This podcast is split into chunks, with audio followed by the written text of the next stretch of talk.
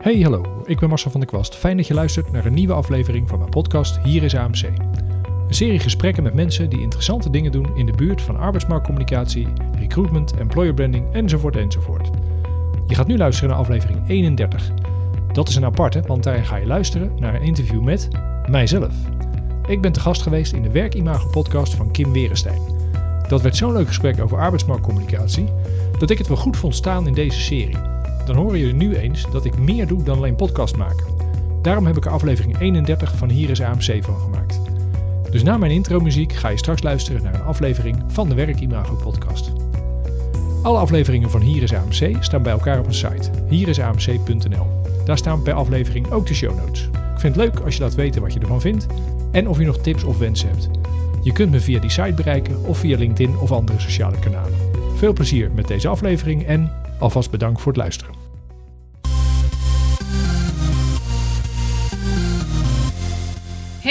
Wat leuk dat je luistert naar de Werkimago podcast. Deze podcast gaat jou helpen om bekend, zichtbaar en aantrekkelijk te worden voor jouw doelgroep op de arbeidsmarkt. Ik geef hierover allerlei tips en adviezen, alleen of met een gast tijdens een interview. Daarnaast neem ik je mee in de leuke en minder leuke momenten van het ondernemen en mijn leven. Wil je tussen de podcast door meer zien, horen of contact met mij opnemen? Volg mij dan op Instagram, werkimago. Veel luisterplezier! Vandaag een uh, podcastaflevering met Marcel van der Kwast. Welkom Marcel. En ik vind het altijd even leuk om in eerste instantie uit te leggen waarom deze podcast. Um, en wij kennen elkaar eigenlijk niet, maar ik luister dus al een hele tijd naar jouw podcast Hier is AMC. En juist omdat je zelf altijd mensen daarin interviewt, leek het mij leuk als de rollen eens omgedraaid zouden worden. En nou, zo geschieden. En vandaag ben je bij mij in de podcastaflevering. En hoe leuk is het om van nu te horen wie is Marcel van der Kwast? En wat is jouw visie op het gebied van uh, arbeidsmarktcommunicatie? Dus voor de mensen die jou niet kennen, misschien wil jij daar eens mee beginnen. Ja, nou leuk. Leuk. Ik vind het erg leuk om, uh, ik zou bijna zeggen, een keer aan de andere kant van de microfoon te zitten. Want uh, ja, nu, nu moet ik eens een keer antwoorden geven. Ik merk ook dat dat een stuk lastiger is dan vragen stellen hoor. Dus, mm. um, dus ik ben blij uh, om, om dit een keer te mogen doen. Uh, ik ben Marcel van der Kwast. Ik uh, durf mijn leeftijd bijna niet te zeggen, maar ik ben 51. en ik moet constateren dat ik eigenlijk al 30 jaar lang in arbeidsmarktcommunicatie werk. Ik heb, ja, ik heb nooit iets anders gedaan, dus ik, ik weet ook niet beter. Um, ja, dat zorgt wel dat je in die tijd heel veel verschillende dingen langs hebt zien komen. en dat is precies wat, wat het voor mij ook zo, zo leuk maakt. Uh, want ja, als je mij vraagt wat, uh, waar sta ik ergens in dat vak, ja, dan ik ben vooral van de breedte. Weet je, ik, het is, ik ben arbeidsmarktcommunicatie, zeg ik soms wel gekscherend. En dat betekent dat ik, ja, het is natuurlijk, het is heel veel. Weet je, er is niet één dingetje wat je doet. Er zijn heel veel dingen die je kunt doen. Nou, de meeste daarvan ken ik, weet ik, heb ik wel eens wat mee gedaan. Ik denk vooral dat je dan juist in die breedte, dat, dat daar mijn ja, noem, het, noem het kracht of zo zit. Eh, want, want kies maar eens tussen al die bomen in het bos uh, uh, welke we gaan, waar we mee gaan beginnen en waar we even mee wachten. Dus dat is ongeveer hoe ik erin sta. Ik heb veel tijd gewerkt bij AMC-bureaus. Dus aan de, de, ja, aan de, noem het maar de creatieve kant, aan de campagnekant. Um, ik ben nu ruim zes jaar zelfstandig. Ik ben op een gegeven moment overgestapt naar werken voor Nederland. Um, ja, en als je gaat kijken een beetje de laatste zes jaar samenvatten, dan is het uh, voor heel veel verschillende werkgevers en bureaus aan de slag. Uh, variërend van, nou ja, so, soms wordt wel eens gezegd dat ik een beetje in de overheidhoek zit. Nou, dat klopt op zich wel. Ik heb drie jaar bij de Rijksoverheid gezeten en nu kom ik net uit een klus voor de provincie Zuid-Holland. Maar tegelijkertijd uh, heb ik in, in allerlei wisselende verbanden. Ik, heb nog, uh, ik ben ergens nog af en toe freelancer bij Steam in de keuken. Uh, ik heb zelf ook wat projecten gedaan, onder andere bij KPN en bij TBI, bouwbedrijf. Daar ben ik een soort arbeidsmarkt geweten op afstand. En, en ja, als je gaat kijken wat je bij Steam doet, dan ben je ook bij of het nou Serenlo of de Rijksdienst voor het Wegverkeer. Of weet je, je zit ineens met, met Achmea-campagne mee te denken. Dus vooral die, die verscheidenheid van werkgevers en daar een, een goed verhaal voor verzinnen, dat vind ik het leuke van het vak. En het leuke vind ik, daarom ben ik op een gegeven moment ook met die podcast begonnen, ehm, dat er op zoveel verschillende plekken wordt er interessante uh, AMC bedreven. En ja, ik ben op een gegeven moment gewoon met mijn microfoons gaan rondreizen en uh, hier en daar een gesprekje voeren. Ja, dat is erg leuk. Ja. Dat, uh, en ik ben wel blij dat ik nu een keer zelf mag vertellen wat ik echt doe. Want ik denk wel eens dat mensen denken dat ik vooral podcaster ben. ik vind het erg leuk, maar het is wel een soort hobby. Een beetje uit de hand aan het lopen. Maar het is in principe uh, de podcast daarin praat ik over mijn werk. En mijn echte werk, dat is arbeidsmarktcommunicatie. Ja, ja. Mooi. Zo, ja. dit was helemaal niet kort, maar... mm. nou, ik ga je zo nog wat meer vragen stellen hoor, over arbeidsmarktcommunicatie en dergelijke. Maar ik ben ook nog wel even benieuwd, uh, als je dat kwijt wint, wie is Marcel naast zijn werk? Uh, nou, als ik hier uit mijn raam kijk, dan kijk ik het, uh, het weiland van Pijnakker in. Ik woon uh, in Pijnakker, nou, geboren en getogen moet ik eigenlijk zeggen. Uitstapje naar Rotterdam gedaan, vijf jaar gewoond. Ehm, Pijnakker weet natuurlijk iedereen waar het ligt. Maar voor een paar mensen zou ik toch uitleggen dat het precies tussen Rotterdam en Den Haag in ligt. En precies tussen Delft en Zoetermeer. Dan heb je het ongeveer geplaatst. Um, nou, mijn leeftijd heb ik al verraden. Ik zal nog een keer zeggen. Ik ben 51. Ik ben getrouwd. Twee dochters. Ik ben veel tijd bezig met arbeidsmarktcommunicatie. Daar gaan we het zo over hebben. En als ik daar niet mee bezig ben, dan uh, kruip ik graag op de racefiets. En ja, op een bescheiden niveau hoor. Ik ben vooral, ik vind het vooral leuk, maar ik ben niet goed. Het is gewoon leuk, mooie rondes maken dan dat je harde wedstrijden rijdt. Ja. Dan zo zeggen. ja, precies. Nou, hartstikke leuk. En nou ja, om weer het bruggetje te maken naar arbeidsmarktcommunicatie. En omdat je inderdaad net al aangaf, het is gewoon heel breed. Wat is voor jou arbeidsmarktcommunicatie? Ja, nou, ga maar even zitten. dat was een lang.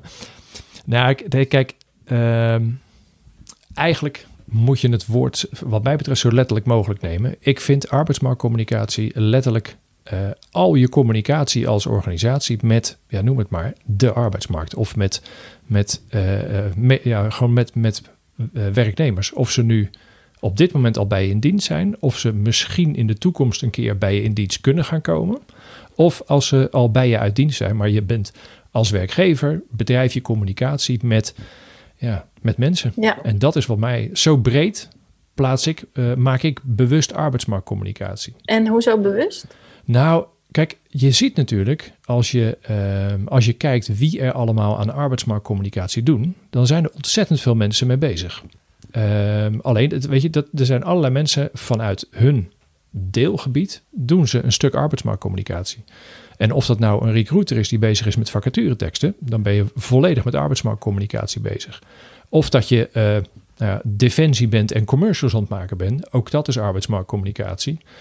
Uh, ik, ik, trek dan bewust de huidige medewerkers er wel bij, want ik vind dat uh, je arbeidsvoorwaarden of het contract wat je tekent of je onboardingproces is ook arbeidsmarktcommunicatie. Want dat is, dat, is, dat weet je, dus ik, ik, dat, dat neem ik allemaal bij elkaar. Um, en die breedte, dat maakt arbeidsmarktcommunicatie. En bij mij gaan dan meteen de vragen over hoe, hoe, hoe krijg je daar een synergie in? Want er zijn, hoe, je, hoe breed jij het noemt, mm-hmm. hoeveel mensen daarbij betrokken zijn ja, ja. Uh, binnen heel veel organisaties, denk ik. Hoe, hoe zorg jij dan bijvoorbeeld voor een synergie daartussen? Nou, ik denk, uh, want dat is natuurlijk altijd een heel interessante. Uh, ik heb vorige week voor mijn eigen podcast heb ik een Amerikaan geïnterviewd. Uh, James Ellis, die, nou, die aflevering komt eraan.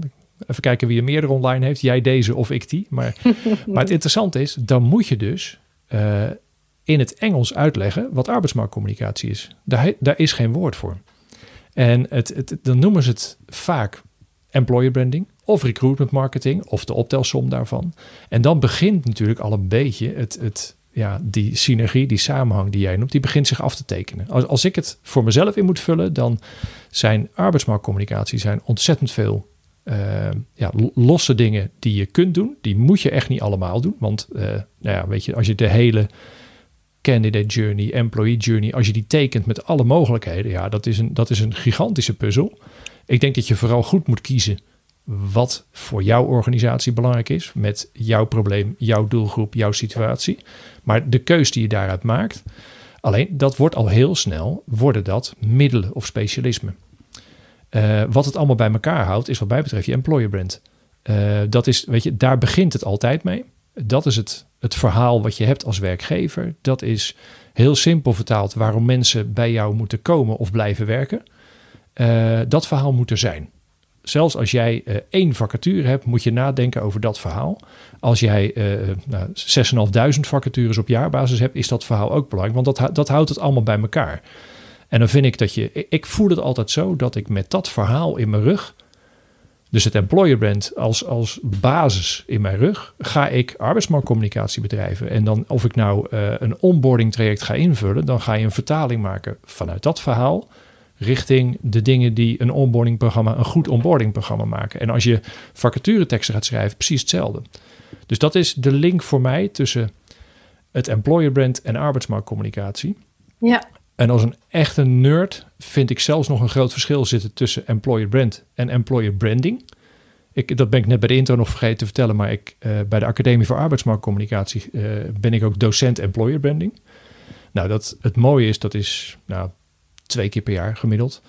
Uh, dan moet je weer eventjes helemaal, nou, noem het maar, je eigen mening over het vak afstoffen. En dat is erg interessant om dat twee keer per jaar te doen. Uh, wat je ziet is dat je het verschil tussen employer brand en employer branding. Ik vind heel vaak dat als je zegt dat je aan employer branding doet, dan is het net of je uh, andere dingen niet doet. Dus ik vind het lastig om dingen te benoemen die dan specifiek employer branding zijn. Terwijl ik ben altijd vanuit het employer brand bezig. Maar als ik goede recruitment marketing bedrijf, waar genoeg employer brand in zit, ja, dan ga je dat geen employer branding noemen. Terwijl het draagt zeker bij aan het employer brand in het hoofd van je doelgroep. Dus daarom begin ik, ja, het klinkt gek, ik begin bijna moeite te krijgen met de term employer branding. Want geïsoleerd met het employer branding bezig zijn, ja, dat is maar een deel. Dus vandaar dat ook, ja, of arbeidsmarktcommunicatie nou deel uitmaakt van employer branding, of andersom. Ik vind dat het employer brand de basis is voor al je arbeidsmarktcommunicatie. En er zit ook heel veel vaak overlap in. Hè? Dus vandaar dat, um, dat mensen soms ook in de war zijn. Wat is nou employer branding en wat recruitment marketing? Ja. Is mijn uh, optiek.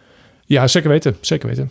Het leuke daarvan vind ik. Uh, ik ben het met jou eens, er zit overlap in. Of je, weet je, je, je bent uh, voor een deel, uh, je bent met hetzelfde bezig. Alleen als ik een beetje, nou ja, als je LinkedIn in de gaten houdt, dan vind ik dat het te vaak is. zijn we, het is of-of. Ja. Weet je, het is employer branding of is dit nou recruitment marketing of is het recruitment? En van wie is het nou? Nou ja, dat is wat dat betreft is het echt een, vind ik het bijna een soort poldervak. Ouderwets polderen, want je ontkomt er niet aan uh, om het met elkaar te doen. Ja. Het, is niet, uh, het is niet van iemand. Het is als je, uh, nou eigenlijk als je bezig bent met arbeidsmarktcommunicatie, ja, dan moet je goed samenwerken met recruiters, met recruitment marketeers, met HR, met corporate communicatie. Dat zijn allemaal deelgebieden die, ja, die, raak je met, je met je arbeidsmarktcommunicatie of met je employer brand. Ja, dan moet je het dus samen zien te doen. Nou, dat is, dat is een kunst op zich. Want dat betekent dus dat het niet hardcore van de een of van de ander is. Nee, dan zou je het, ja, klinkt gek, dan zou het eens moeten worden. Ja, zeker. Maar als jij dan op opdracht zit en hè, als adviseur, hoe, hoe zorg jij dan ervoor dat, dat het inderdaad samen gebeurt en niet hij, jullie, wij of uh, nou doe jij dat maar?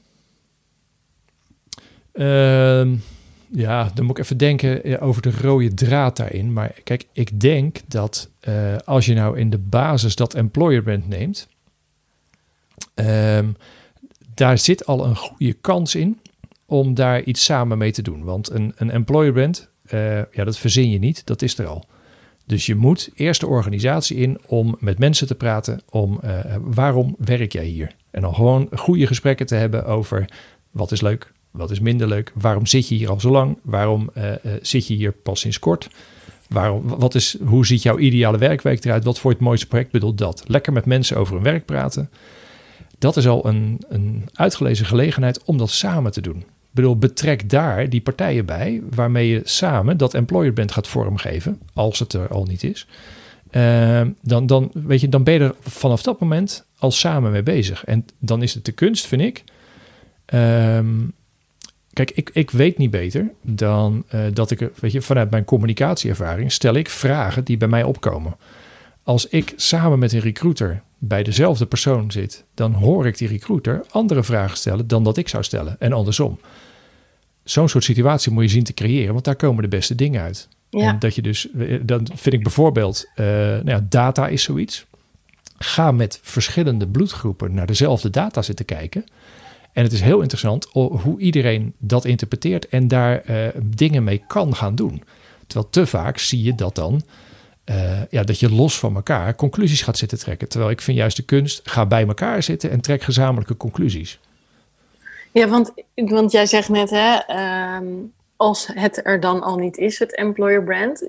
Het employer brand is er altijd, maar het is soms nog niet helemaal vormgegeven, denk ik. Als jij kijkt naar jouw, um, uh, jouw opdrachten, staat dan altijd alles al als een kaartenhuis? Of kom je juist binnen dat je echt denkt, nou, hier moeten we nog eens even goed het employer brand neerzetten? Uh, ja, laat ik zo zeggen, meestal dat laatste. Waarbij uh, dat kan ook. Kijk, als, als je. Um, vaak zit er al van alles. Alleen is het een kwestie van ja, eigenlijk iets gezamenlijks ervan maken. En, maar, dat wisselt heel erg. Want als ik het bijvoorbeeld kijk, uh, wat, wat ik bij de provincie Zuid-Holland heb gedaan. Um, ja, de, de provincie is niet zozeer. Het, jaar dat ik er heb gezeten, is de provincie op zich is niet spectaculair veranderd. Alleen wat je merkt, wat er in de loop van de tijd een beetje uitgegaan was, was uh, ja, überhaupt naar buiten toe kijken als het om de arbeidsmarkt gaat. En aan de ene kant bij vacatures, maar ook daarop voorsorteren en zeggen van, weten mensen eigenlijk wel wat ze hier kunnen doen? En dat vind ik heel interessant, dat, dat heel vaak is dat, als je nou de, over de laatste jaren kijkt, is dat een, een, ja, een soort onontgonnen terrein. Waarbij uh, werkgevers er te makkelijk van uitgaan dat mensen wel weten wat er ergens gebeurt bij een club. En dat is, dat is in, die zin een, uh, een manier om heel nou, nou, makkelijk, wil ik niet te zeggen, want er gaat natuurlijk wel inspanning in zitten, maar mensen over hun werk laten vertellen, geeft automatisch al een hoop energie uh, aan een werkgever. Dan is het alleen een kwestie om die energie dus in de juiste banen te leiden. En dat is wel iets dat als je nou kijkt, als er nog helemaal niks is, als een organisatie, neem bijvoorbeeld de provincie, uh, zich weer op de arbeidsmarkt moet richten. Want dat was een paar jaar lang was dat gewoon niet nodig geweest, waardoor het onderwerp wat, uh, wat, wat, ja, wat eigenlijk van de kaart verdwenen was. Maar ook als, er, als je bij een andere werkgever terechtkomt, dan is het veel meer in de gaten houden hoe je meebeweegt met de arbeidsmarkt, met de doelgroepen. Dus dan kan het ook zijn dat je het verhaal uh, wat er in grote lijn al is, dat je gaat kijken, zit er genoeg in wat past bij de verandering van onze doelgroepen? En dan kan het zijn dat je een bestaand verhaal uh, ja, een impuls geeft of blijft aanpassen. Want je moet met je verhaal wel meebewegen met ja, wat er in de wereld gebeurt. Je hoeft niet, uh, laat ik zo zeggen, niet te drastisch, want je blijft natuurlijk wel de organisatie die je bent. Maar ergens de verandering, die moet er wel in meegaan. En als jij dan op opdracht komt en je zit inderdaad met die gesprekken. Ik merk altijd zelf dat mensen dan altijd alleen de mooie kant vertellen. Um, en het heel erg spannend vinden om tegen een HR, recruiter, arbeidsmarketeer, wie dan ook met, uh, in gesprek ermee is, om eigenlijk het eerlijke verhaal te vertellen. Hoe, hoe pak jij dat aan? Dat mensen echt eerlijk vertellen wat nou het leuke en, en het minder leuke kanten, of de, de minder leuke kanten zijn bij, uh, bij hun werkgever? Ja, um... Ja, dat, dat, is, dat is dubbel. Ik, ik vind dat je um, de manier waarop je over je werk praat, die moet je heel erg, um, die moet je heel erg doseren. Want als jij, uh, kijk, uiteindelijk moet iemand, voordat je ergens uh, definitief in dienst komt, moet je alles weten. De volgorde waarin je iemand gaat vertellen, uh, ja, wat er interessant is, hoe het echt is, wat er tegenvalt, die volgorde moet je goed bepalen. En dat hangt er heel erg vanaf wat je probleem is. Kijk, als je probleem is dat je een organisatie hebt die wel heel bekend is, maar niemand weet eigenlijk precies wat je er kunt doen, waardoor je veel te veel sollicitaties hebt. Ja, dan moet je je employer brand het werk laten doen in uh, selectie. Weet je, dan mag, en dat, dat is natuurlijk het bijzondere van het vakgebied. Je hoeft niet altijd zoveel mogelijk reacties. Je wil vooral genoeg goede reacties. Dus ja. het kan ook zijn dat je, dat je dus de aantallen moet managen. Nou, dan moet je het, het eerlijke verhaal je hebt nu, uh, er is recent een boek uit, uh, Give and Get Employer Branding, van uh, twee Engelse, PH Creative, het, Engelse bureau onder andere. Dat gaat heel erg dat je het niet alleen maar moet laten zien wat je geeft, maar ook wat je vraagt aan mensen. Dat je employer bent, daar de balans tussen moet zijn. Nou, dat is precies wat jij in je vraag ook bedoelt. Die balans moet erin zitten. Ehm, je moet wel goed kiezen wat je als eerste vertelt, vind ik. Want ik probeer hem altijd echt heel plat te slaan. En uh, um, ik vind dat het te vaak gaat over posities, kandidaten, uh, uitdagingen, competenties. Weet je, dat zijn allemaal koude systeemtermen.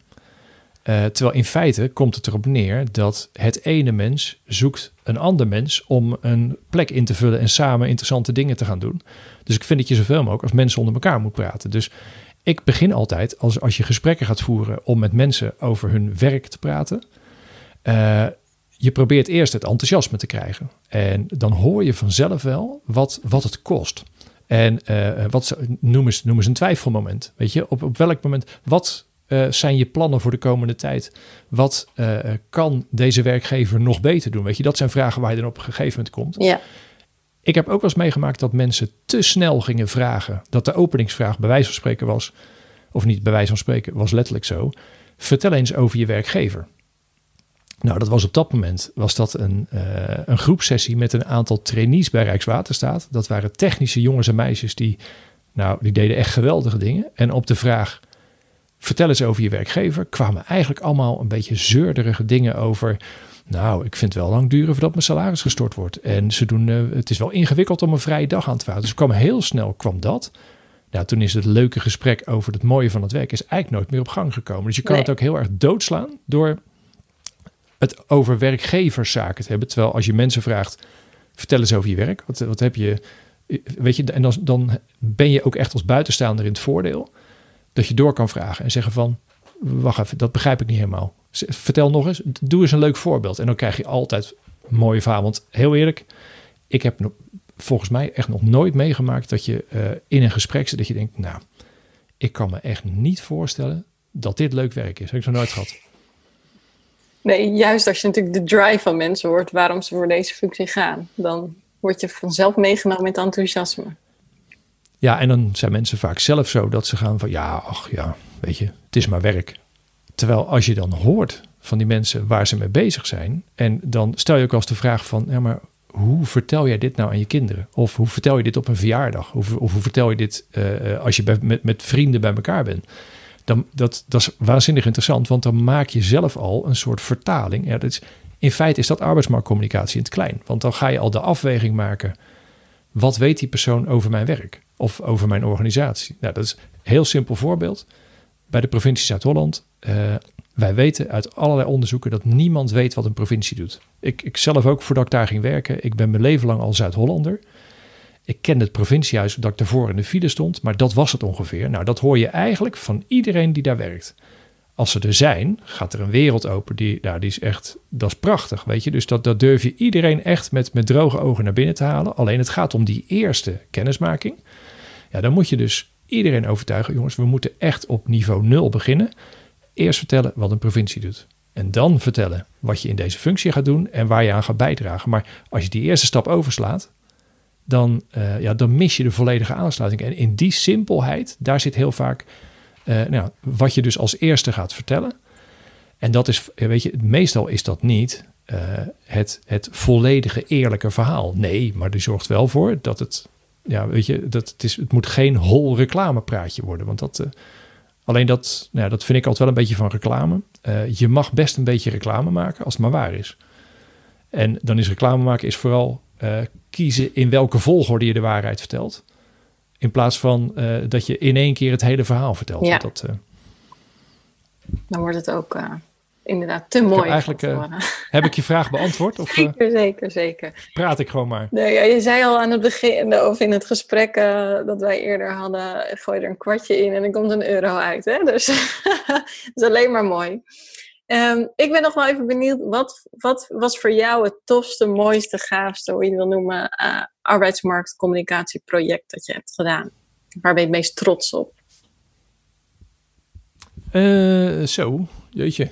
Ik heb net verteld hoe lang ik al werk, dus dat, uh, dan weet jij hoeveel dingen ik nu...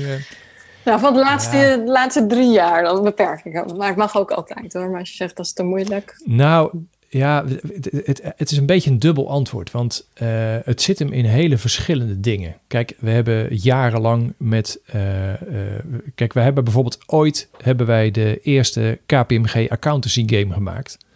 Ja, dat was, dat was geweldig. Alleen als je daar nu over vertelt, dat was in de begintijd van het internet. Toen, toen, dus, dus dat is opa verteld. Dat alleen voor die tijd was dat een geweldig project. Ehm uh, maar, maar dat, dat heeft niet zoveel zin om daar nu heel uh, uitgebreid bij stil te staan. Uh, wij hebben ook ooit wel eens een keer voor DJI, uh, de, de dienst justitiële inrichtingen, dus de, de, nou, even kort, korter de bocht, de gevangenissen van Nederland. sorry Bastiaan, ik weet dat het uitgebreider, dat het genuanceerder moet. Daar hebben wij ooit een online, een virtuele gevangenis nagebouwd, waar je door middel van allerlei ja, een soort game-achtige elementen kon jij ontdekken wat je, voor, wat je ongeveer in huis moest hebben om in een gevangenis te kunnen werken. Nou, dat, dat, dat was een geweldig project, uh, maar is ook al een paar jaar geleden. Als je voor de rest kijkt, dan, dan vind ik mooie projecten ook hoe je eigenlijk ontdekt hoe geweldig beroepen kunnen zijn. En dan zijn het veel meer verhalen van mensen. Ik weet ooit nog een keer dat wij bij een zorginstelling, thuiszorginstelling in Noord-Holland, daar hadden we een paar gesprekken met mensen die al jarenlang in de ouderenzorg werkten. En daar vertelde een mevrouw aan tafel, ze zegt, wat ik bijzonder vind aan mijn werk is, ik word zo blij van het geluid van een föhn. En dan zit je echt erbij dat je denkt, oh, maar, maar vertel eens. Nou, ze zegt, ik ben uh, wijkverpleegkundige, dus op het moment dat ik bij een uh, patiënt of cliënt aankom en ik hoor het geluid van een föhn, dan weet ik dat mijn voorganger genoeg tijd had om alle verplichte dingen te doen. En dat de tijd over was om mevrouw een keer lekker te feunen. En dat, nou, dat was, dan heb je in één zin, als ik het nu zit te vertellen, krijg ik er weer kippenvel van. In één zin, want het was een mevrouw die, die al jarenlang daar werkte. Ze zegt, dat is voor mij de kern van dit vak. Nou, dat vind ik fantastisch. En dat, dat verhaal staat na vele jaren nog steeds, want dit is echt ook een verhaal wat je al jaren geleden gehoord hebt. En het mooie is, als je dan de slag naar nu maakt en je merkt bijvoorbeeld hoe Tommy in de zorg bezig is.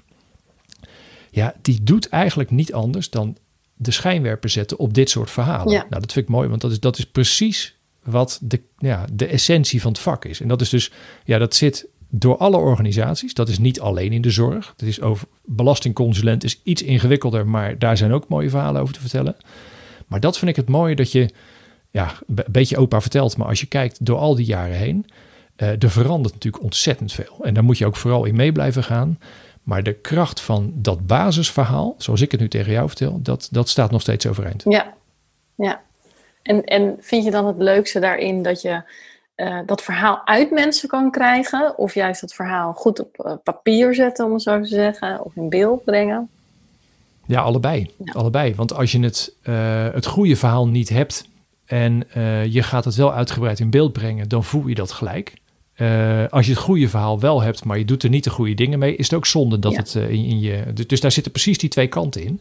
Het is de kunst om het bijzondere in een, nou ja, in, in, in een vak of in een werkgebied, om dat te ontdekken. Daar zit, daar zit ja, nou ja, daar moet je niet te ingewikkeld over doen, maar dat, daar zit wel, uh, dat is wel een, voor een deel is dat de kunst als je dat verhaal dan hebt, ja, tuurlijk, dan is het het naar buiten toe dat verhaal zo mooi mogelijk vertellen. Dat is het tweede deel van de kunst. Dan heb je bij elkaar eh, de twee stukken van arbeidsmarktcommunicatie. Ja, en hoe pak jij dat dan aan om zo'n verhaal over te brengen? Um, ja, je voelt als je zo'n verhaal hebt, dan voel je in eerste instantie de, de potentie ervan, zeg maar. Kijk, um, je hebt natuurlijk de keus hoe mooi ga ik het maken? Hoe ingewikkeld kan ik het maken? Is soms een budgetkeus, is soms een tijdkeus. Maar heeft ook te maken met het probleem wat je moet oplossen. Kijk, als, je, uh, als het probleem is dat er heel weinig informatie is en uh, je moet vooral vacatures ermee ondersteunen, dan moet je het niet al te ingewikkeld maken. Nou, dan moet je heel kritisch zijn. Wat is het dan? Gaan we dan, en, en kijk, of je nou video maakt of tekst of, of wat dan ook. Ja, dat, dat kun je bijna niet in één zin beantwoorden. Dat moet je per keer bekijken. Uh, maar je moet bijna wel van, van de basis uitgaan van jongens, wat is het verhaal? En dan als dat verhaal echt voelt van nou, hier moeten we iets meer mee doen, dan moet je er een grotere productie van maken. Ja. En dan, ja, dan kan het nog steeds uh, de categorie video zijn. Of je kan er ook een soort mooie long read online van maken. Of weet je, dat, de, de middelen wil ik een beetje, beetje voorzichtig mee zijn, want dat kiezen bijna per keer. Uh, ja, maar, maar zo, zo probeer je het een beetje in te schatten. Kijk, je moet oppassen dat je niet al je kruid verschiet met twee uh, goed geproduceerde mooie video's. Als je daar voor dezelfde inspanning, want het zit heel vaak zit de beperking vooral bij hoeveel tijd kunnen de mensen van de organisatie eraan besteden.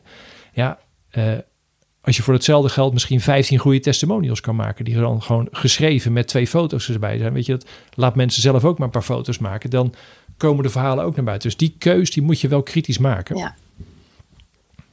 En, en om nu eigenlijk het bruggetje te maken ook naar een stukje uh, video versus uh, teksten. Um, ja. Van tevoren hebben wij een oproep gedaan hè, om uh, nou ja, de, de mensen in onze netwerken te vragen welke vragen heb je voor Marco. En één, nou, twee daarvan kwamen van, van Judith, Judith. En die zei ook van, ik ken Marcel als een man van teksten ook in alle content-uitingen. Maar hoe zie jij nou de toekomst waar we juist veel meer gaan doen of al bezig zijn met videocontent? Ja, nou ja, ik uh, moet het even nuanceren waarom Judith mij kent als een man van teksten. We, Judith en ik hebben samen in de redactie gezeten van Werken voor Nederland. Dus toen waren we vooral bezig om uh, nou, veel verhalen van mensen die bij de Rijksoverheid werken op een platform te zetten de basisvorm daar was een, een geschreven artikel. En we hebben ook video's gemaakt, maar met name uh, ja, een beetje de, de, de potentieverhalen, daar maakten we goede video's van.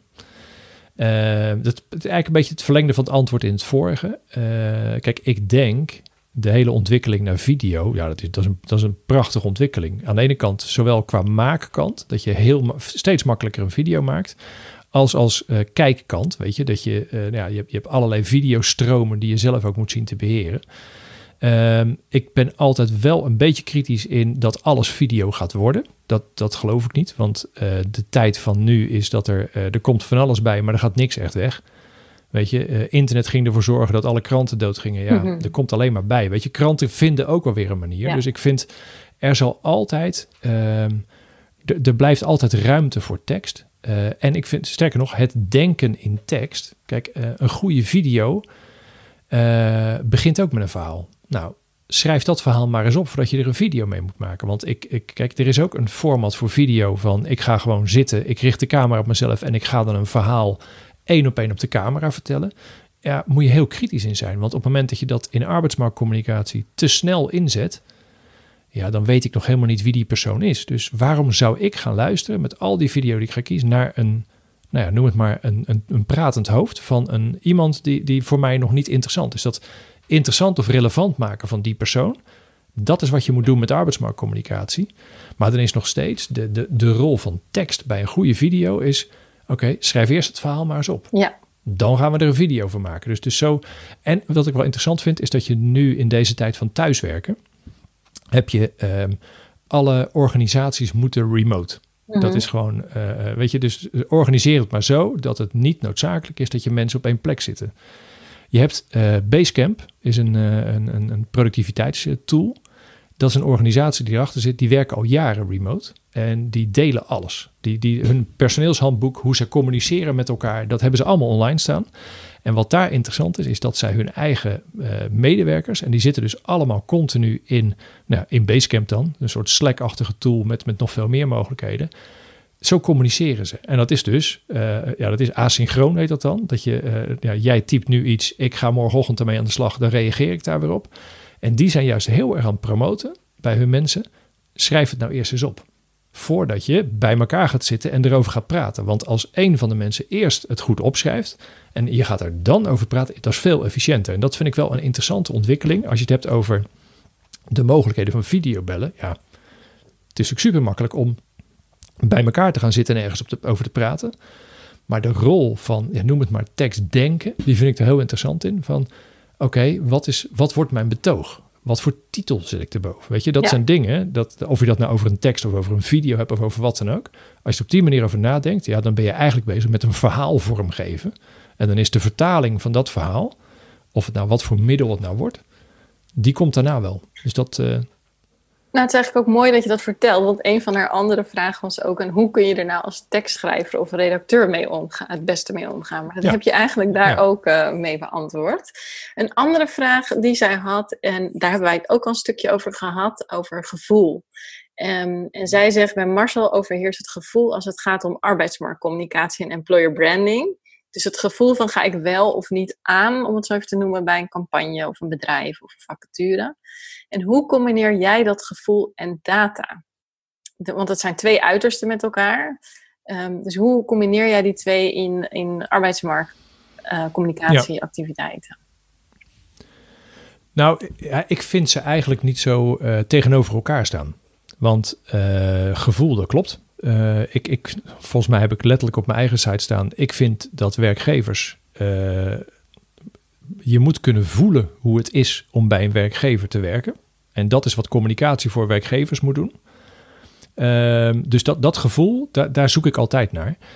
Data staat niet haaks op gevoel, vind ik. Want het is um, data die gebruik je zoveel mogelijk om aan de ene kant ehm, nou ja, te ontdekken hoe is het binnen een organisatie. Daar is vaak heel veel data al beschikbaar.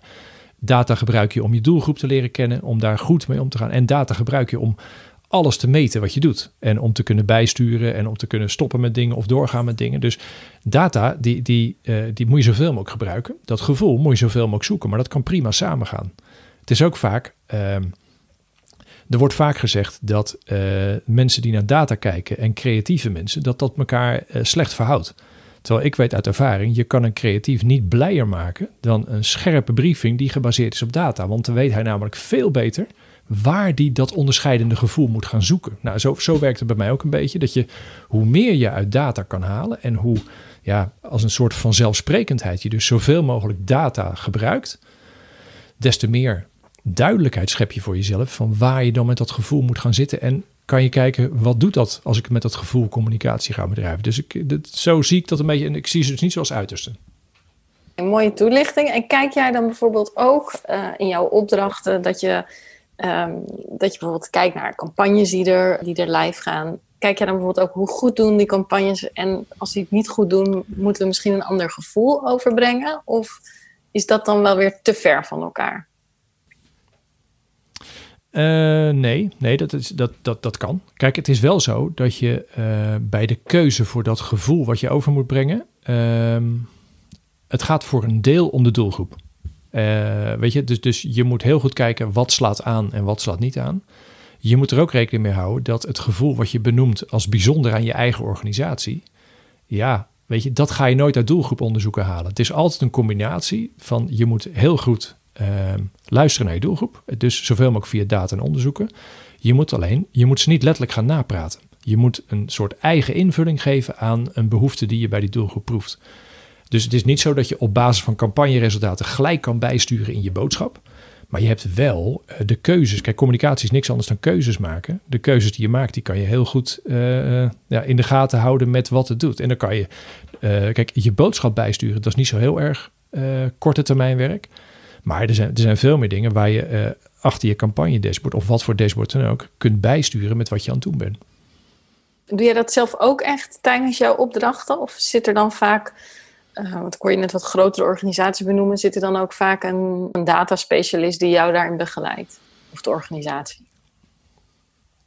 Uh, wisselend, He heel erg wisselend. Kijk, er zijn werkgevers waar ze ja, een, een, een eigen datateam hebben waar ik nu vandaan kom, net bij de provincie Zuid-Holland, daar zijn ze nu net bezig met uh, eigen HR-data uh, mensen. Dus die zijn het wat breder aan het aanpakken. En daar waren we dus juist vanuit het concrete wat we met Team Recruitment konden bieden. Was het erg lekker om daar het eerste concrete dashboard te gaan inrichten van letterlijk de verschillende fases van onze, ja, van onze funnel of journey, hoe je het wil noemen. Dus daar merk je dat je, dat je uh, met een concrete case vrij snel ook samen met datamensen uh, goede dingen kan produceren. Omdat je uh, ja, tastbare dingen te meten hebt. Ja.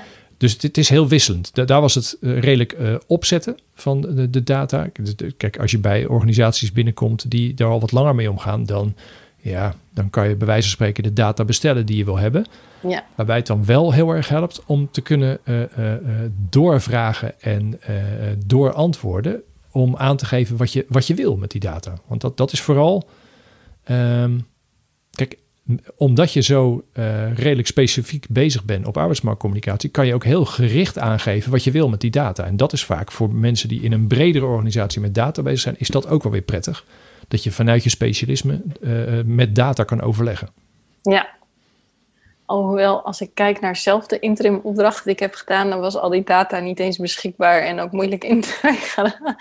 dus ergens uh, wordt weten natuurlijk steeds belangrijker, maar uh, ik zie ook heel veel organisaties wat gewoon wat echt nog lastig. Uh, ja, ja, waar je gewoon echt letterlijk zelf het Google Analytics account ja. moet, uh, moet leegtrekken. En dan, ja. uh, maar, maar dan merk je ook weer, het voordeel daarvan is weer dat je heel snel uh, door wat data eruit te halen, die je dan aan de achterkant echt ontzettend houtje touwtje bij elkaar organiseert. Maar goed, dat, dat hoeft niemand te weten.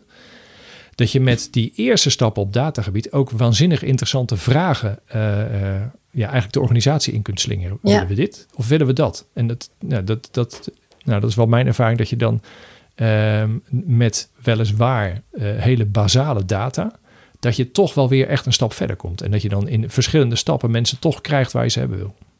Zeker. Even kijken naar, um, nog terug naar de, de, de vragen van de luisteraars. We hebben er nog twee en die zijn eigenlijk een beetje in het verlengde van elkaar. En Stefan stelde de vraag: welke lessen zijn jou in 30 afleveringen hier is AMC het meest bijgebleven? Ja, daar kan ik natuurlijk niet één of twee noemen, want dan doe ik er 28 nee. tekort. Uh, maar, maar zo is het ook echt een beetje. Want, want ik ben er ooit mee begonnen omdat ik, um, ja, ik, ik sprak veel interessante mensen. En dan had je het met elkaar erover en dan hoorde je altijd mooie dingen uit hun praktijk. Alleen dat kwam ik eigenlijk voor de rest uh, weinig tegen. Dus op een gegeven moment dacht ik, ik speelde al een tijdje, ik luisterde zelf veel naar podcasts, dus ik speelde al een tijdje met de gedachte op een gegeven moment maar een paar spullen gekocht en gedacht van nu ga ik ermee beginnen. Anders is dat zo'n plan waar heel lang mee heb rondgelopen en wat je uiteindelijk nooit hebt gedaan. Um, maar wat ik leuk vind is dat uh, ja, ik, ik doe niet anders dan ik select ik, iemand die ik interessant vind, die benader ik. En uh, nou ja, meestal zeggen ze nog ja ook. Uh, en dan gaan we er langs en dan moet je een gesprek gaan voorbereiden. Dan ga je toch inzoomen op de praktijk van die andere persoon. En dan ja, borrelen er vanzelf vragen op. En dan heb je eigenlijk per keer heb je een, een, een mooi gesprek over, ja, nou ja, noem het maar, de praktijk van die persoon. En in het grotere is natuurlijk de optelsom arbeidsmarktcommunicatie. Ik vind vooral die optelsom, vind ik het mooie. Dat als je terugkijkt, ik heb, ik heb bewust nog even teruggekeken naar, uh, naar alle, alle afleveringen. Niet in zijn geheel, maar eventjes waar ging het ook weer over. Ja, dan zie je gewoon de, de, ja, de rijkheid van het vak. En dan is het voor iemand zoals ik mijn breedte schetste, vind ik alles. Ik vind alles interessant. Weet je, dat is ook als ik terugkom van die gesprekken. De mooiste gesprekken heb je vaak als de microfoons net uitstaan. Want dan praat je nog even lekker door. En dan zit je ineens met iemand bij elkaar wel een uur over de inhoud te praten. Nou, dat doe je anders nooit. Dus dat is alleen al een cadeautje. Uh, als je de optelsom ziet, dan zie je ook. Uh, uh, kijk, voor mij zijn de meeste dingen vanuit de breedte interessant. Voor de rest is het een beetje kiezen. Weet je, dan zou je als recruitment marketeer vind je uh, de ene uh, aflevering die ik met uh, Wouter van Vonk gemaakt heb, die zou je interessanter vinden dan willekeurig welke andere. Dus dan is het meer cherrypicking. Ik vind het mooie dat als je nu bij wijze van spreken van iedere aflevering één quote zou optekenen, dan heb je de breedte van het vakgebied te pakken. Dus dat. Nou. En natuurlijk, weet je, weet je en natuurlijk heb je, nou ja, nou, nee, nee, dit, bij de een is het makkelijker dan bij de ander, maar ik vind ja. vooral die breedte, want het, ja, we hebben ook een aflevering, twee afleveringen gemaakt over de, hoe krijg je nou intern voor elkaar dat je, dat je je plannen door kunnen gaan. Dus veel meer de organisatorische kant. Ja, dat is een veel minder tot de verbeelding sprekend onderwerp, maar waanzinnig interessant. Dus hoort wel bij die totale optelsom. Dus dat. Zeker. Heb je ook zo de afleveringen ingestoken op een gegeven moment van, nou, ik ga inderdaad uh, nou, verschillende onderwerpen verschillende sprekers met verschillende onderwerpen interviewen, zodat ik het hele palet van, van arbeidsmarktcommunicatie heb? Of is dat gewoon toevallig ontstaan? Nou, de, de, de opzet is wel om uh, nou ja, letterlijk rond te gaan lopen in uh, eh, AMC-land.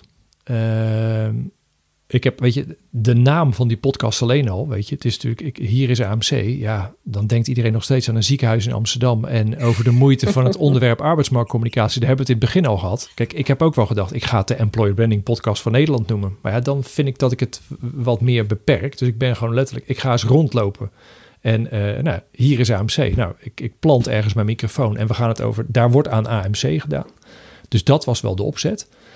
Uh, ik heb niet van tevoren een soort totaal plattegrond van het vakgebied gemaakt en zit nu uh, te kijken van waar ik nu naartoe moet.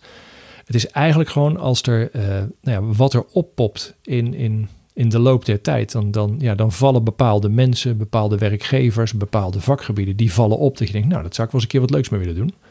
En dan, ja, dan ga ik, ligt er een beetje aan ja, het is natuurlijk een beetje wisselend qua frequentie en qua hoeveel ik er per jaar maak. Het is bewust niet iedere week of eh, weet je, het is, want het is wel, het is ernaast.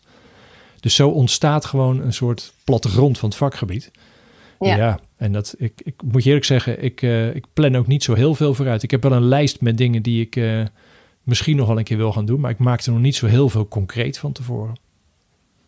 Dus om even kort, nou ja, kort samen te maar in ieder geval antwoord op de vraag welke lessen zijn jou meegebleven, is inderdaad meer het algemene beeld. En eigenlijk misschien ook wel de algemene, van alle, uh, overal waar je bent geweest, heb je altijd wel een, beetje of iets meegenomen, wat je zegt net met een quote, waar je weer zelf van hebt geleerd ook. Nou, dat zeker weten. Dat je, dat je echt, en, en dat hoop ik dat dat voor, voor, uh, voor meer mensen zo werkt. Dat, uh, het is natuurlijk, weet je, het zijn lange gesprekken. En uh, dat, dat, ja, dat zal misschien sommige mensen afschrikken, maar ergens zegt iemand uit de praktijk van jouw vak altijd wel iets waarvan je denkt van hé, hey, daar kan ik wel wat mee. En dat kan hem in hele verborgen zinnetjes zitten of net een inkijkje. Of, dus dat moet het vooral een beetje doen. Zeker. En eigenlijk de, de laatste luisteraarsvraag is uh, van Marco. Um, en die sluit daar eigenlijk bij aan. Zijn, zijn vraag is: Is jouw beeld van employer branding naar aanleiding van alle gevoerde gesprekken veranderd ten opzichte van daarvoor? En ik wil hem eigenlijk nog wat verder trekken, dat we zeggen: Is jouw beeld van arbeidsmarktcommunicatie veranderd? Ja. Uh, nou ja, nee, dat is niet veranderd. En dat klinkt, uh, dat dat kan star klinken van nee, ik mhm. vind nog steeds wat ik altijd vond. Ehm, maar zo bedoel ik het niet. Het is vooral, als je het even puur over zijn vraag over employer branding. Um, ik ben eigenlijk in, in, in al die gesprekken heel erg bevestigd in het feit dat, dat de, weet je, over de basis van employer branding, uh, maar ook over uh, de, de, nou, de lange adem die je moet hebben. En uh, het is natuurlijk bij um, nou, het lesgeven op de academie, daar roepen we al acht, negen jaar, weet je, binnen beginnen is buiten winnen. Toch merk je nog, zelfs nu nog, merk je vaak dat mensen employer branding denken, oh ja, dat is een campagne die ik ga maken als ik uh, moeite heb met werven. Dat blijft een vooroordeel en dat geeft helemaal niks, want alleen je merkt wel, als er iets in de laatste jaren gebeurd is, is dat dat uh, uh, nou ja, van binnenuit bezig zijn met employer branding, vooral met je eigen mensen en daarna pas naar buiten. Dat merk je heel erg als je met werkgevers erover gaat praten. Want dat zie je natuurlijk van de buitenwereld een stuk minder. Dus dat heeft mij heel erg bevestigd daarin. En ook nog wel een ander inzicht wat je wel echt opdoet, is dat het, uh, het moet structureel zijn. Want het is natuurlijk heel erg van, oké, we hebben een nieuw EVP eh, e gemaakt. Dus dit is het nieuwe verhaal van werkgever X. ja, gefeliciteerd. Dan kunnen we beginnen. In plaats van dat je bijna al voelt van het employer brand traject is afgelopen. Nee, dan moeten we nu met dat employer brand, dat gaan we doorvoeren in alles wat we doen. En dat was wel opvallend. Ik heb in de eerste aflevering heb ik Mitchell van Koert van Achmea uh, te gast gehad. En uh, die heb ik voor aflevering 25 ook aan tafel gevraagd. Als een soort nou, de stand in het land drie jaar later. En dat was heel erg het verhaal van hun. Dat het employer brand inhoudelijk was niet echt veranderd. Alleen ze waren bezig met het vooral doorvoeren in echt alles wat je doet. Nou, dat, dat heeft mij, uh, dat vind ik wel uh, een andere, ja, bijna bevestiging die ik van alle werkgevers hoorde. Je moet vooral, ja, het is een kwestie van, van volhouden in plaats van ja. dat, je, dat het eenmalig Dus het is echt, en, en dat, dat is leuk, want uh, dat merk je als je echt wat, wat verder in gesprek gaat met mensen. Dus dat, dat, dat heeft het, dus het heeft me niet heel erg nieuwe inzichten gebracht op employer branding. En dat, dat, dat geeft helemaal niks, want in de basis verandert dat natuurlijk ook niet heel erg. Maar wel de praktijk iedere keer uh, nou ja, letterlijk even afpellen aan tafel met, bij een werkgever. Dat is waanzinnig interessant. Dus dat, dat heeft het me zeker, me zeker gebracht. Mooi, uh, Marcel. Ik wilde Marco zeggen, aangezien Marco de vraag heeft gesteld. Uh, nee, mooie, mooie antwoord in ieder geval. En inderdaad, dat ik ik wilde meteen weer een vraag daarover stellen. Maar hoe krijg je nou inderdaad zo'n EVP door de hele organisatie heen? Maar dat is denk ik, daar kunnen we weer een aparte podcast over maken. Nou, misschien, misschien toch heel kort daarover. Hè? Want ja. het leuke is, ehm, er zit heel veel winst in om ze al zo vroeg mogelijk erbij betrekken. Want uiteindelijk, het, het, het EVP, of hoe je het ook wil noemen, uh, dat opschrijven, uh, dat, is wel, dat is wel vakwerk. Maar het ophalen ervan, daar kan je juist, als je daar uh, al veel partijen in de organisatie een rol bij geeft, dan ben je al heel erg bezig met samen iets aan het maken. En dan is het uiteindelijk hoe je het opschrijft, wat voor keuzes je daarin maakt enzovoort. Dat blijft een proces waar je mensen mee moet zien te krijgen. Maar dan ben je al ja, dan ben je al niet meer verdacht, zou ik bijna willen zeggen. Kijk, het is heel erg als, als je van de ene afdeling zegt: wij gaan het EVP wel maken. En als het nodig is, dan hoor je dat van ons. Ja, heel eerlijk, dan, dan daalt de kans dat dat gaat lukken. Dus ik denk dat de sleutel daarin zit om zo vroeg mogelijk. En dan kan je nog steeds uh, aan de bal zijn. Je kan nog steeds verantwoordelijk zijn voor dat EVP. Maar het is heel logisch om dan een, een rondje te maken langs de verschillende partijen.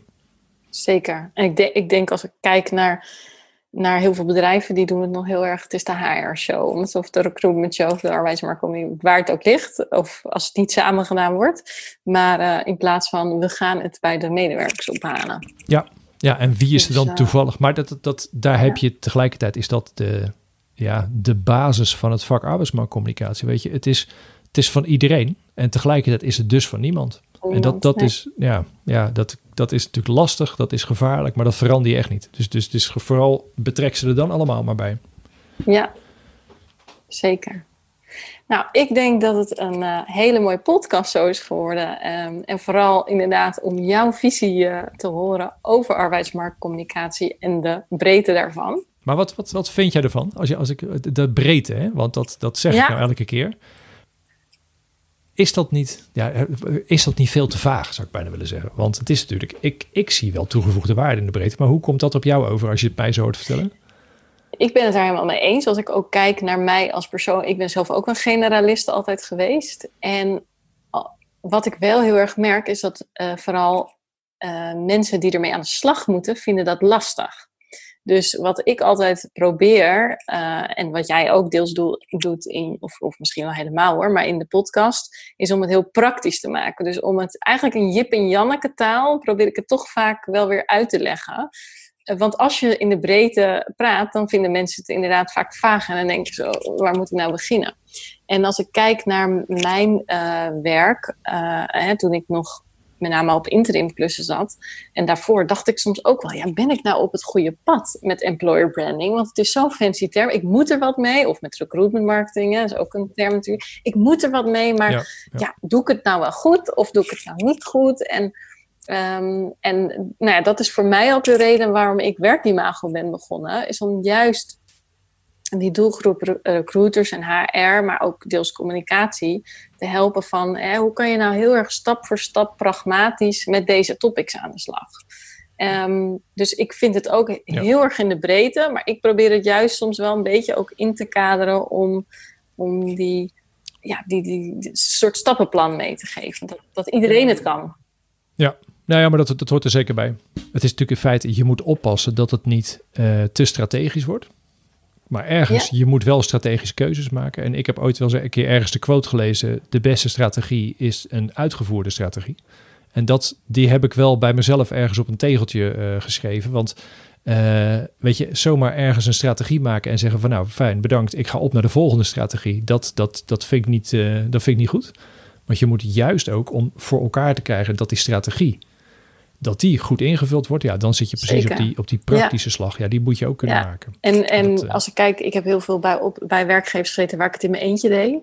Dus waar ik niet een heel mooi team van uh, tien uh, marketeers en uh, tien recruiters had. Ja, en dan ja, moet je er eigenlijk ook soms een beetje erbij doen. Dus vandaar dat, dat, dat mijn ervaring op dat gebied ook heeft geresulteerd in, ik maak het in Jip en Janneke taal. Um, wat natuurlijk ook niet altijd past bij hele grote organisaties. Nee. Nee, maar ik denk dat een heel groot deel van de markt is, uh, ja, uh, zoals jij het schetst, weet je wel, gefeliciteerd. Uh, beste afdeling recruitment. Jullie zijn vanaf nu ook voor een employer branding. Ga het er maar bij doen. Nou, dan moet je ook, dan moet je ook praktisch aan de slag kunnen. Zeker. Welke uh, laatste tip heb jij nog voor de luisteraars? De laatste tip, jeetje. Ja, ja nou goed, mijn tip zou zitten op, um, los van het feit hoe ver je ook de diepte in kan gaan op alle, alle deelgebieden, blijft voor mij de centrale vraag wel van, uh, goh, wat, waarom doe jij wat je doet? Weet je wel, wat, wat, welk, waarom vind jij je werk leuk? Wat voor werk doe je? Die basisvraag, dat, dat, daar zou ik op blijven focussen. En dan daarna moet je er zo specialistisch mogelijk aan de gang gaan. Welk deel van het vakgebied je ook zit of nodig is. Maar die basisvraag, ja, dat, dat is het begin van alles voor mij. Dankjewel, mooie tip. En vraag, nou, en vraag dat ook gewoon eens aan je collega's. Want dat doe je als collega's niet meer. Dat vraag je niet meer aan elkaar. Waardoor je, nou, ik denk best verrassende dingen hoort als je dat eens een keer uh, op, nou, letterlijk op je afdeling, of misschien wel eens een keer één afdeling verder, gewoon dat eens gaat vragen. Dan, dan krijg je echt een andere kant van mensen te zien.